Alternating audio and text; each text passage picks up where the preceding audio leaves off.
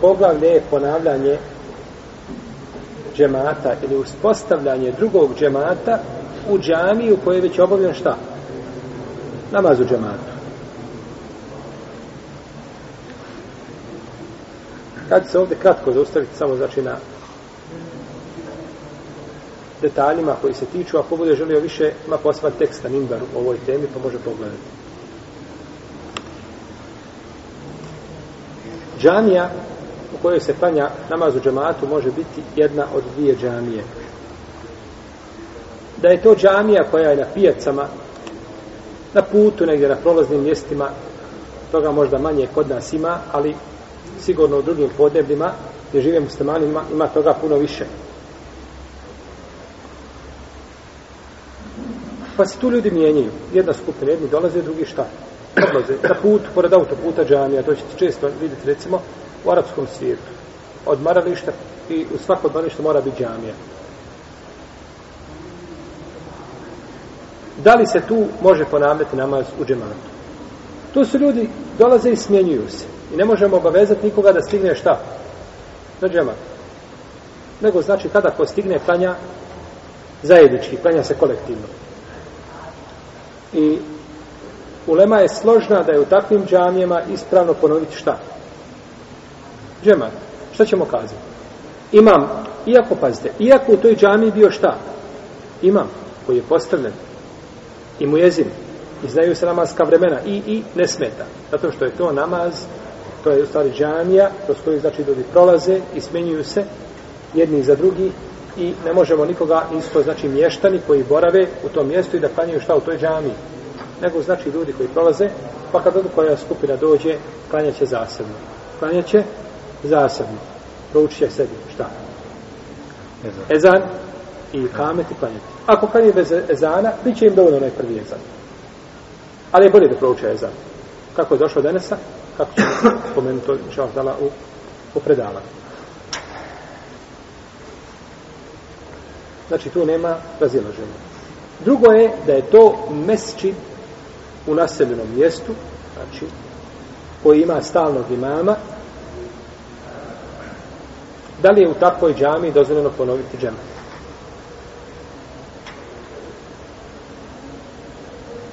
Ovo je pitanje oko koga se razišla islamska ulema na određena na nekoliko mišljenja, ali ljudi koji ponavljaju džemat u džami koja se nalazi znači u urbanoj zoni koja ima stalnog imama mogu biti u dva hala ili dvije situacije prvo da to stalno čine kad god imam završi eto heroja u džamiju da klanjaju jedan prouči i kane, ne znam, nije bitno, i kane još šta, u namaz. Kad god imam preselami, oni u džamiju. to je prva situacija. Znači da prva situacija je znači da to bude šta? Stalno. Znači da to ljudi čine namjerno. Da to ponavljaju. Nema sumnje da je takav postupak pogrdan.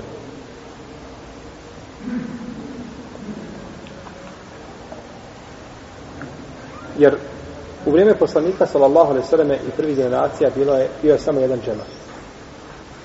Jedan džemat koji ima svoga imama i klanjalo se iza imama. I tako je ostalo kroz stoljeće. Zna se znači da ima imam i da ima džemat. I da nije ispravno pored tog imama praviti druge džemate. Jer jednostavno takve stvari razjedinjuju muslimane cijepaju i parčaju njihov i onako slab džemat i njihovo slabo jedinstvo. Stoga su Malik i Šafija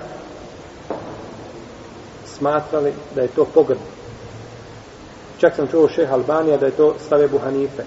Da su smatrali, šeha Albanija kaže da je rekao imame Buhanife i Malik. Kada bi čovjek ušao u džamiju, sam u jezin dođe i prouči jezan. Kada je sunnet? Nema nikoga. Nema nikoga. Hođa, otišao sa džematom, negdje, na pijacu, otišao gdje da vidio futbal, vratili se u džamiju, a on završio namaz. Jel red? Kažu, planjaju pojedinačno svaki. Ako su zakasnili, kako? Namjerno. Bez opravdanja šerijetskog, kaže, svako od njih pojedinačno planja, a mu jezin je sam bio i mu jezin, i imam, i džemat, i sve što je bilo on ima punu nagradu, a oni imaju pojedinačno da klanjaju. Tako kaže šeha Albani, prenoseći od ovih imama. Druga situacija je da to nije običaj ljudi, nego se desi nenamjerno da klanjaju. Takvima je dozvoljeno da ponove svoj džemat radi hadisa, jer u sredjelu hudrija, koga bilježi imam Tirmizi, je Budavud i drugi, da je poslanik sallallahu alaihi sallam vidio čovjeka koji je ušao u džamiju koji je zakasnio, pa je rekao za neće neko podijeliti sadako ovome da klanja sa njim. Pa je ustao čovjek i klanjao sa njim.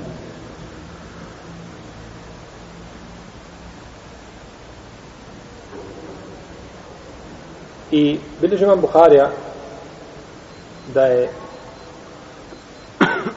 od Ebu Osmana da je Enes Ibn Malik došao u jednu džamiju. Kada kažemo Ebu Osman i spominjemo Enesa ibn Malika. Ko je to Ebu Osman? A? Ko je to Ebu Osman? Aj, raspitajte se ko je to Ebu Osman za narodni put. Ebu Osman kaže došao je Enes radijallahu ta'ala u džamiju i klanjali su ljudi sabah. Pa kaže jeste završili? Kažu, jesmo. Pa je naredio čovjeku da prouči jezan i, i kam. Pa su klanjali sabah na. Pa je naredio što da se prouči jezan i tako obilježi imam Bukhari u sume sahihu. Imam al-Bihaki dodaje da je bilo 20. Sume sunenu i šobol imanu dodaje, kaže da je bilo 20 ljudi pa su ponovili šta namaz. Anes ibn Malik je čovjek koji je služio poslanika sallallahu alejhi ve selleme 10 godina.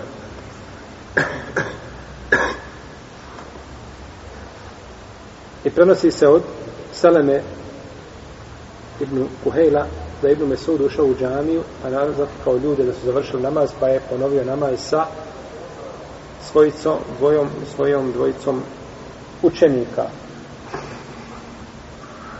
Ibn Mesaud o sahibahu, njegova dvojica učenika. Kažemo Ebu Hanife i dvojica učenika. Učenika, ko je to? Ebu Jusuf i Mohamed. Ebu Jusuf i Mohamed. Dobro, ko bude znao ne pigne ruku. A kada kažemo Ibn Mesaud i njegova dvojica učenika, ko je to? Ko odgovor ima poklon. I krime i tavuz. Da imam poklon, dao bi ga za ičtihan. Za hrabrost. A nije. Ima li neko? Ima li neko odgovor? Ćemo ga ostaviti za naredni put. A neka bude za naredni put i neka bude hedija za njega. Sama. Kada kažemo Ibrime Saud o sahibahu i njegova dvojica sahiba, njegova dva učenika. Koja su to dva učenika koji su bili stanu Ibrime Sauda? A kažemo jednu stvar koja će vam pomoći. Ibn Mesud je smatrao kada trojica klanjaju džematu da staju svi u istu liniju. Jedan s desna, jedan To je više njebu Hanife i Kupljana.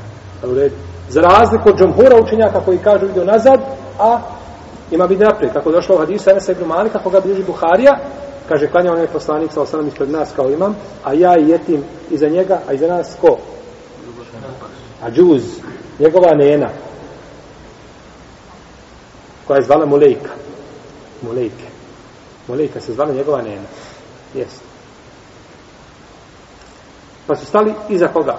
Enes i Jetin stali iza poslanika sa Allahom. Pa će vam pomoći ovo, Ibn Mesud je smatrao da idu trojica u jednu liniju. I kažu fakihi, pa to su smatrala njegova dvojica učenika. E.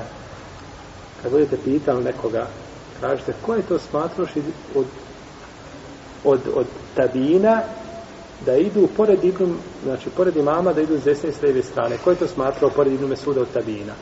Pa ko vam kaže te tabine, oni su tu. Jer oni su to uzeli od koga? Od svoga? Učitelja na slijedu, svoga učitelja. Je li tako? On ih je poučio da je Allah zadano sa njima svima. Znači, došao Ibn Mesud sa svojom dvojicom učenika i bio je još treći uz njih, a on se zove Mesruk. Znači, Mesruk nije jedan od dvojice. Pa su klanjali namaz u džematu. Jer u redu, zatekla ljudi da su završili bilo tako, pa ih je poredao i ponovio namaz.